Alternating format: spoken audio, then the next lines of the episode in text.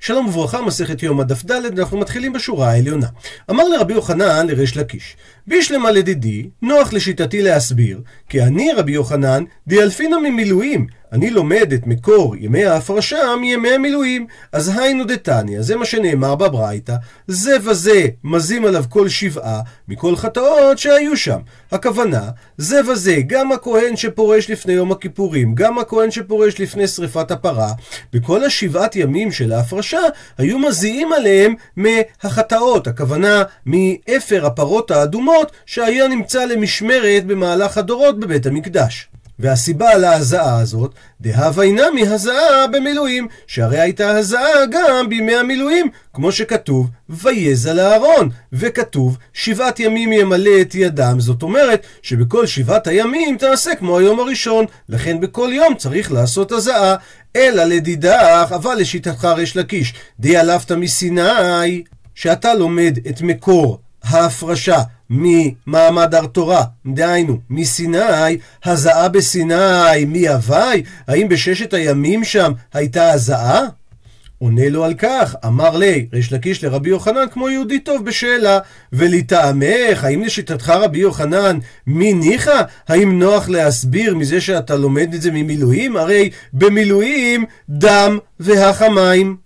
שהרי ההזעה בימי המילואים הייתה הזעה של דם, ואתה, כאשר אתה מזה בימי ההפרשה על הכהן ביום הכיפורים, על הכהן ששורף את הפרה, אתה מזה עליהם מי חטאת, אז גם לשיטתך אין מקור בעצם להזעה. יענה לו על כך רבי יוחנן, הק, הקושייה הזאת לא קשיא. למה? דתני רב חייא, ששנה רב חייא, נכנסו מים תחת דם. דהיינו, לא משנה איזה חומר איזו. לעצם העניין, הייתה הזעה. אז אם ככה, עדיין קשה, אלא לדידך, לשיטתך ריש לקיש, הזעה בכלל בסיני מהווי לא הייתה שום הזעה. אז מה המקור שמזים בימי ההפרשה? אמר לי, יענה לו ריש לקיש, מעלה בעלמא. אכן אין מקור מהתורה ללמוד את זה, אלא מדובר על מעלה שבפרה עשו כמו שאמרנו בגלל הצדוקים, וביום הכיפורים עשו את זה לכבוד כניסה למחנה השכינה. מביאה עכשיו הגמרא סייעתא לכל אחת מהדעות. תניא כבתי דרבי יוחנן, ותניא כבתי דרש לקיש. את הגמרא. תניא כבתי, ברייתא כשיטתו של רבי יוחנן. כתוב נקרא את הפסוק בפנים, בזאת יבוא אהרון אל הקודש, בפר בן בקר לחטאת ואי לעולה. והפסוק מדגיש, בזאת יבוא אהרון אל הקודש, מבינה הברייתא מה זה בזאת? במה שאמור בעניין. זאת אומרת, בעניין שנאמר לפני זה. ומהי היא, ועל מה מדובר? בעניין דמילואים. ומה אמור בעניין דמילואים? שם נאמר שאהרון פירש שבעה ימים לפני ושימש יום אחד, ומשה מסר לו כל שבעה את העבודה כדי לחנכו בעבודה. אז אותו דבר, אף לדורות, כהן גדול פורש במשך שבעה ימים, הוא משמש יום אחד שזה יום הכיפורים, ושני תלמידי חכמים, בסוגריים, מתלמידיו של משה, למה דווקא מתלמידיו של משה? לאפוקי את הצדוקים, סגור סוגריים, הם מוסרים לו במשך כל אותם שבעה ימים כדי לחנכו בעבודה. ומכאן אמרו ששבעת ימים קודם יום הכיפורים מפרישים כהן גדול מביתו ללשכת פדרדרין. ועל אותו עיקרון, וכשם שמפרישים את הכהן הגדול לפני יום הכיפורים, כך מפרישים את הכהן ששורף את הפרה האדומה ללשכה שעל פני הבירה צפונה מזרחה, ואחד זה ואחד זה, דהיינו בין על הכהן הגדול לפני יום הכיפורים, בין על כהן ששורף את הפרה, מזים עליו כל שבעה מכל חטאות שהיו שם. וממשיכה הברייתא, ואם תאמר, הרי בימי המילואים אה, היזו עליו דם, ולעומת זה הכה מזים עליו מים, מי חטאת, בכל זאת, אמרת, נכנסו מים תחת דם. מה שלומדים מימי המילואים זה את עצם ההזעה, אבל החומר שמזים בימי המילואים זה היה דם, לעומת זאת אצלנו מדובר על מי חטאת. וממשיכה הברייתא ואומר, ואפשר לדרוש את זה גם מהפסוק הזה, כאשר עשה ביום הזה ציווה השם לעשות לכפר עליכם, ואז דרשנו לעשות אלו מעשה פרה, ומהמילים לכפר אלו מעשה יום הכיפורים. עד לכאן הברייתא וממנה מוכח כשיטת רבי יוחנן. שאת דין הפרישה לכהן הגדול ולכהן השורף את הפרה לומדים מימי המילואים. ממשיכה הגמרא ושואלת על הברייתא הזאת. והי, והרי המילה הזאת, בזאת, מבא אלה לגופי, צריך את זה לעצם העניין של הפסוק. שבזאת יבוא אהרון על הקודש במה? בפר בן בקר לחטאת ואי לעולה. אז המילה הזאת היא לא מיותרת. עונה הגמרא, אמרי, אי לקורבן לחודי, אם באמת המילה בזאת הייתה אמורה להיות רק על המילים בפר בן בקר לחטאת ואי לעולה, שהם על הקורבן ורק עליו, אז אם ככה, לי מקרא, יאמר הפסוק בזה או באלה, וזה המילים שהוא צריך להשתמש בהם. מאי, למה משתמשת התורה במילה בזאת, שזה לשון נקבה? והרי פר ואיל, שזה מה שכתוב אחר כך, זה לא נקבות והיה צריך להשתמש בלשון זכר. לכן למדה הברייתא, שמעת מינה, תשמע מזה, תרתי, את שני הדברים, גם במה לבוא אל הקודש, וגם את הפרישה שהיא שבעה ימים. ממשיכה הגמרא ושואלת על הברייתא, מהי ואומר, למה הברייתא הביאה בסוף ואומר עוד פסוק? למה היא לא הסתפקה בפסוק הראשון? עונה הגמרא, וכי תימה, ואם היית אומר, יום הכיפורים כמה הוא דבאי פרישה כדאשכחן במילואים, אבל ביום הכיפורים דעלמא לא, אולי היית רוצה ללמוד שרק ביום הכיפורים הראשון צריך פרישה, כמו שבמילואים, שזה העבודה הראשונה בבית המקדש, אז היה צריך, אבל ביום הכיפורים שנהיה במשך הדורות, אולי בזה לא צריך להפריש את הכהן הגדול, אינמי או גם אפשרות נוספת, אולי לא בהתייחס ליום, אלא בהתייחס לפרסונה שמבצעת את העבודה. כהן גדול כמה? אולי רק הכהן הגדול הראשון שמתפקד, הוא דבאי פרישה, הוא זה שצריך להפריש אותו. אבל כהן גדול במשך הדורות, בעלמא, אולי הוא לא צריך פרישה, לכן תשמע, לכן הביאה לך הברייתא, בואו שמע עוד הוכחה מהפסוק, כאשר עשה וכולי. כך שמהפסוק הזה לומדים שגם כהנים גדולים במשך הדורות צריכים לפרוש שבעה ימים לפני יום הכיפורים. עד לפה היה התניא כבתי, הסייעתא לשיטתו של רבי יוחנן. עכשיו אנחנו עוברים תניא כבתי דרש לקיש, לסייעתא מהברייתא עבור שיטת ריש לקיש. משה עלה בענן, ונתכסה בענן, ונתקדש בענן, וכל זה למה? כדי לקבל תורה לישראל בקדושה, שנאמר וישכון כבוד השם על הר סיני, והמשך הפסוק, ויכסהו הענן ששת ימים, ויקרא אל משה ביום השביעי מתוך הענן. ואומרת הברייתא, זה היה מעשה אחר עשרת הדיברות. כלומר, אתה לא יכול לומר שהפסוק ויכסהו לענן ולא למשה, והשישה ימים שהם התחילו מראש חודש, שאז הם באו למדבר סיני, עד יום מתן תורה שהוא בזין בסיוון, ואז יוצא שלא הייתה פרישה בכלל למשה לפני שהוא עולה אל ההר.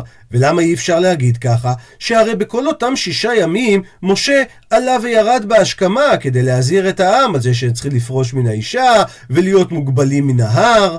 לכן צריך לומר שהפסוק הזה מדבר אחרי המתן של עשרת הדיברות, והשישה ימים האלה הם בעצם בתחילת ארבעים היום, שמשה נכנס למחנה השכינה להיות שם עם השם כדי לקבל את הלוחות. אז אם ככה, ששת הימים האלה הם היו תחילה לארבעים יום. עד לפה דברי רבי יוסי הגלילי.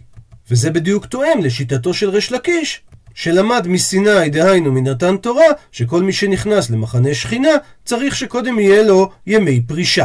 לעומת זאת ממשיכה הברייתא, רבי עקיבא אומר שמה שכתוב וישכון כבוד השם מראש חודש, שהפסוק מדבר קודם עשרת הדיברות היה, והשישה ימים שכתוב ויכסהו הענן ששת ימים, זה בעצם השישה ימים שמתחילים מראש חודש סיוון עד יום מתן תורה, כאשר ביום מתן התורה, שזה ז' בסיוון, אז קיבלו את התורה, כשמשה וכל ישראל עומדים לקבל את עשרת הדיברות.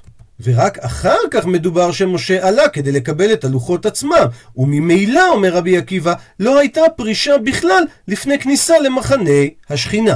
הפכנו דף, ממשיך רבי עקיבא, ומה שכתוב ויכסהו הענן, זה לא מדובר שהוא כיסה את משה, אלא הוא כיסה להר. ומה שכתוב ויקרא אל משה, המציאות הייתה שמשה וכל ישראל עומדים לקבל את עשרת הדיברות, ולא בא הכתוב אלא לחלוק כבוד למשה. אבל הפסוק לא התכוון להגיד שויקרא אל משה, הכוונה היא לקרא אל משה לבדו ולא לעם ישראל, אלא רק לחלק לו כבוד, ובעצם מדובר לפני מתן תורה. מביאה עכשיו הברייתא עוד שתי שיטות. רבי נתן אומר, לא בא כתוב אלא למרק אכילה ושתייה שבמאיו, למה? לשומו כמלאכי השרת. דהיינו, רבי נתן סבר כרבי יוסי הגלילי, שהפרישה למשה באמת נאמרה, אבל לא שאפשר ללמוד מפה לגבי שאר הנכנסים למחנה שכינה שחייבים פרישה. כי כל מטרת הפרישה פה, לפי רבי נתן, הייתה כדי למרק את האכילה שבמעיים של משה, כדי שהוא יהיה כמו מלאכי השרת, הרי בארבעים יום האלה הוא לא אוכל, הוא מקבל את התורה. אבל סתם ככה, מי שנכנס למחנה שכינה, הוא לא צריך את המירוק הזה. והשיטה הרביעית בברייתא, רבי מתיה בן חרש אומר, לא בא הכתוב אלא לאיים עליו, כדי שתהא תורה ניתנת באימה, ברטט ובזיע. והמקור לדבריו, שנאמר בספר תהילים, עבדו את אדוני ביראה וגילו ברעדה. ולכאורה יש פה הרי סתירה בתוך הפסוק. מה, מה זה וגילו ברעדה? גילו זה עניין של שמחה, רעדה זה לא עניין של שמחה. על זה אמר עבדה בר מתנא אמר רב, במקום גילה, שם תהא רעדה. דהיינו, במקום גילה זה מתן תורה של הלוחות, כי כתוב, פיקודי השם משרים, מסמכי לב, או תוספות מביא מה זה במקום גילה, מה שכתוב עוז וחדווה במקומו. אז אומר רבי מתיה בן חרש, שבעצם גם הוא סובר כמו רבי יוסי הגלילי, שמדובר שהפרישה הייתה למשה אחרי עשרת הדיברות, המטרה הייתה להבדילו מבני אדם, למה? כדי שתחול עליו אימה בהיותו לבדו, ואז הוא יבין וישים לבבו להיכנס למחנה השכינה באימה. כי, כפי שראינו, במקום גילה, שם תהא רעדה. עד לכאן הברייתא. שואלת הגמרא, במאי מפלגי רבי יוסי הגלילי ורבי עקיבא? דהיינו, מה ראיה הם מביאים לדבריהם? האם הפסוק מדבר לפני או אחרי מתן תורה? עונה הגמרא, בפלוגתא במחלוקת דהני תנאי של התנאים הבאים, דתניא, ששנינו בברייתא. בשישה בחודש ניתנה תורה לישראל, רבי יוסי אומר בשבעה בו. דרך אגב, קודם זה היה רבי יוסי הגלילי. כשכתוב סתם רבי יוסי, מתכוונים לרבי יוסי בן חלפתא, זה תנא אחר. אז רבי יוסי אומר בשבעה בו. מאן דאמר בשישה, הוא יסביר ככה: בשישה בסיוון ניתנה, ובשבעה עלה. בו' בסיוון שחל אז ביום שישי התורה ניתנת, ובשבעה משה עולה להר לארבעים יום. לעומת זאת, מאן דאמר שבשבעה דהיינו שיטת רבי יוסי, הוא סובר שבשבעה, בזין בסיוון, ניתנה התורה, ובאותו היום וגם בשבעה עלה. דהיינו לפי שתי השיטות הוא עלה ביום השביעי, זה מסתבך על דכתיב, ויקרא אל משה ביום השביעי. רבי יוסי הגלילי סבר לה כתנא קמא, שתנא קמא דאמר בשישה בחודש ניתנה תורה, ולכן חייבים להסביר שהשישה ימים לפני זה, זה לא מראש חודש, כי רק יש חמישה ימים מראש חודש עד יום המתן. הילקח ולכן רבי יוסי הגלילי אומר את המילים, זה היה מעשה אחר עשרת הדיברות, ובאופן הבא הוא יפרש את הפסוקים. וישכון כבוד השם על הר סיני, ויכסהו הענן ששת ימים. על מי מדובר שהענן כיסה? למשה. ומה שכתוב ויקרא אל משה ביום השביעי, המטרה הייתה לקיבולי שאר תורה. דהיינו, את שאר המצוות מלבד הלוחות. וחייבים להגיד ככה, דאי סל כדעתך, כי אם יעלה על דעתך לפרש כמו רבי עקיבא, שמפרש באופן הבא, שהפסוק וישכון כבוד השם, זה מדבר מראש חודש, והפסוק שאומר ויכסהו הענן, הוא מדבר שהוא מכסה להר, ומה שכתוב ויקרא אל משה ביום השביעי, זה היה כדי לקיבולי עשרת הדיברות, איך זה יכול להיות? הקבילו להו משישה הרי את הלוחות הם קיבלו בשישה כבר, ואחרי הקבלה והאיסטלק ענן כבר מהשישה. אז זה לא מסתדר עם זה שהשם קורא למשה ביום השביעי מתוך הענן, כי הרי כבר אין שם ענן. אומרת הגמרא, ורבי עקיבא, הוא סבר לה כרבי יוסי, דאמר, בשבעה בחודש ניתנה תורה לישראל. וממילא הוא יכול לפרש את הפסוק על השישה ימים שהיה ענן מראש חודש עד מתן תורה. שואלת הגמרא, בישלמה לרבי עקיבא. נוח לי להסביר את שיטת רבי עקיבא, היינו דמשכחת לה, אז מצאנו לפי שיטתו שב-17 בתמוז נשתברו הלוחות, לפי החשבון הבא, 24 יש לנו ימים דסיוון, ועוד וצ'יסר ועוד 16 ימים דתמוז, אז מלו להו 40 יומין, אז התמלאו, שלמו 40 היום שמשה דהה ובער, כך ש"ובשבעה עשר בתמוז נחי תבעתה", הוא יורד ובא אל העם, הוא רואה את הבלגן עם מעשה העגל, ותברינו ללוחות. אז זה מסתדר עם מה שאנחנו יודעים ממשנה במסכת תענית, שבשבעה עשר בתמוז נשברו הלוחות. שלפי רבי עקיבא, מא' עד ז' זה השישה ימים שהענן כיסה, ביום השביעי זה מתן התורה, וארבעים יום אחר כך מוביל אותנו עד לשבירת הלוחות בי"ז בתמוז. אלא לרבי יוסי הגלילי קשה. למה? דאמר שישה דפרישה, אחרי מתן תורה יש לנו שישה ימים של פרישה, ורק אחר כך משה עולה להר, ואז ארבעים דהר יוצא לנו עד התאריך של עד עשרים ותלת בתמוז, לא התעבור לוחות, לא נשברו הלוחות. באופן הבא, בזין בסיוון מתן תורה, שישה ימים של פרישה, ואם נספור עכשיו ארבעים יום, יצא לנו עד כ"ג בתמוז, והרי אנחנו יודעים מהמשנה במסכת תענית, ששבירת הלוחות הייתה י"ז בתמוז. עונה לך, לך, אמר לך רבי יוסי הגלילי, שארבעים דהר, החשבון של ארבעים היום שמשה היה בהר, בהדי שישה דפרישה.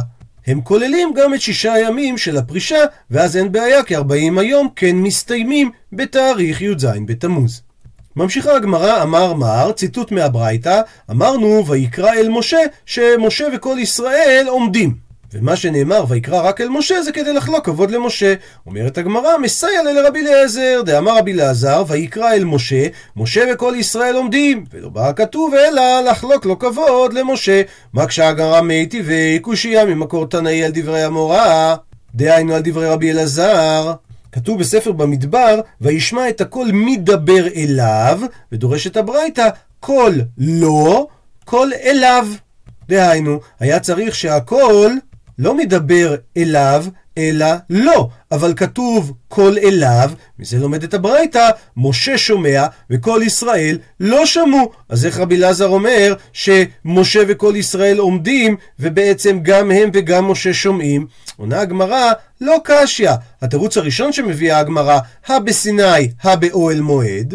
מה שרבי אלעזר אמר, זה היה במעמד הר סיני, שם גם משה וגם ישראל שמעו. לעומת זאת, מה שכתוב וישמע את הקול מדבר אליו, זה מדבר רק באוהל מועד, ללמדך שאליו לבדו היה נמשך הקול באוהל מועד, ועם ישראל לא שמע את זה. תשובה שנייה, ואי בית אימה, ואם תרצה תאמר, לא קשיא, הא בקריאה, הא בדיבור. הכוונה, כאשר השם קורא למשה, גם עם ישראל שומע, אבל כאשר השם מדבר אל משה, זה כבר שיחה פרטית, את זה הם לא שומעים. ובאוהל מועד, מדבר אליו, מדובר על דיבור. ממשיכה הגמרא. רבי זריקה, רמי קראי, היה מקשה בין פסוקים קמי לפני דרבי לזר. ואמר לה, ויש כאלה שגורסים, שאמר רבי זריקה שרבי לזר עצמו רמי היה מקשה בין הפסוקים. ומה הקושייה? כתיב, במקום אחד כתוב, ולא יכול משה לבוא אל אוהל מועד, למה? כי שכן עליו הענן, ומצד שני, וכתיב בפסוק אחר, ויבוא משה בתוך הענן. אז איך אמרנו בפסוק הראשון, שאם יש ענן משה לא יכול לבוא, ובפסוק השני שהוא כן בא בתוך הענן. עונה הגמרא, מלמד שתפסו הקדוש ברוך הוא למשה, והביאו בענן. תשובה אחרת, דבר רבי ישמעאל תנא, בבית המדרש של רבי ישמעאל, ענו שנו על הדבר הזה. נאמר כאן בתוך, ונאמר להלן בתוך, דהיינו. לגבי הביאה של משה כתוב ויבוא משה בתוך הענן, ונאמר להלן, ויש עוד מקום שהתורה משתמשת במילה בתוך, וזה בקריאת ים סוף. ויבואו בני ישראל בתוך הים, ולומד התנא דבר רבי ישמעאל, מה להלן בקריאת ים סוף? היה שם שביל בתוך הים, דכתיב, והמים להם חומה, אף כאן, גם בענן שמשה עובר דרכו, יש שביל. ממשיכה הגמרא דרשה נוספת בענייני קריאה ודיבור. כתוב ויקרא אל משה וידבר. שואלת הגמרא למה הקדים קריאה לדיבור, קודם ויקרא ואז וידבר? לימדה תורה דרך ארץ, עניין של נימוס, שלא יאמר אדם דבר לחברו, אלא אם כן קוראו.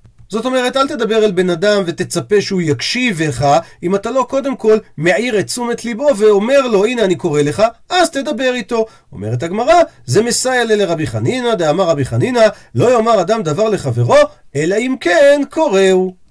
מביאה עכשיו הגמרא את המשך הפסוק, מה שכתוב, ויקרא אל משה, וידבר השם אליו מאוהל מועד, לאמור. אמר על זה רבי מוסיה ברברי דרבי מוסיה, משמי דרבי מוסיה רבא, שלשלת רבני מוסיה, מניין לאומר דבר לחברו שהוא בבל יאמר עד שיאמר לו לך אמור. זאת אומרת, אם אדם אומר לחבר שלו משהו בארבע עיניים, רק ביניהם, אסור לו לפרסם את זה עד שהחבר יגיד לו, אני מרשה לך להגיד את זה לאחרים. למה? שנאמר, וידבר השם אליו מאוהל מועד, לאמור. שהמילה לאמור היא כאילו בנויה משני מילים. לא אמור הדברים, אלא אם כן נותן לו רשות. עד לפה היו הדרשות מהפסוקים, ועכשיו הגמרא חוזרת למחלוקת של רבי יוחנן וריש לקיש. אומרת הגמרא, מכלל דתרוויו, זה אומר ששניהם, גם רבי יוחנן וגם ריש לקיש, סבירה להו, הם סוברים שמילואים, כל הכתוב בהן מעכב בהן. ואיך הגמרא מוכיחה את זה? דאיתמר, שיש מחלוקת המוראים לגבי המילואים. רבי יוחנן ורבי חנינא, חד אמר שכל הכתוב בהן מעכב בהם, וחד אמר רק דבר המעכב לדורות מעכב בהם, אבל דבר שאין מעכב לדורות אין מעכב בהם. לא נתעכב להסביר את זה עכשיו, כי הגמרא בהמשך תסביר את זה. לענייננו, אומרת הגמרא, תסתיים דרבי יוחנן הוא דאמר שכל הכתוב בהן מעכב בהן. ואיך זה מתברר לגמרא? אמר לרבי שמעון בן לקיש לרבי יוחנן בדיאלוג שראינו בראש הדף, שאמר לו אם המילואים כל הכתוב בהן מעכב בהם. ועל השאלה הזאת של ריש לקיש לרבי יוחנן, ולא כמהדר לי ולא מידי. לא ענה לו רבי יוחנן ולא כלום. אז מזה תסתיים, מזה מתברר לך שרבי יוחנן מסכים להנחה שאמר ריש לקיש, שבמילואים כל הכתוב בהם מעכב בהם. עד לכאן דף ד'.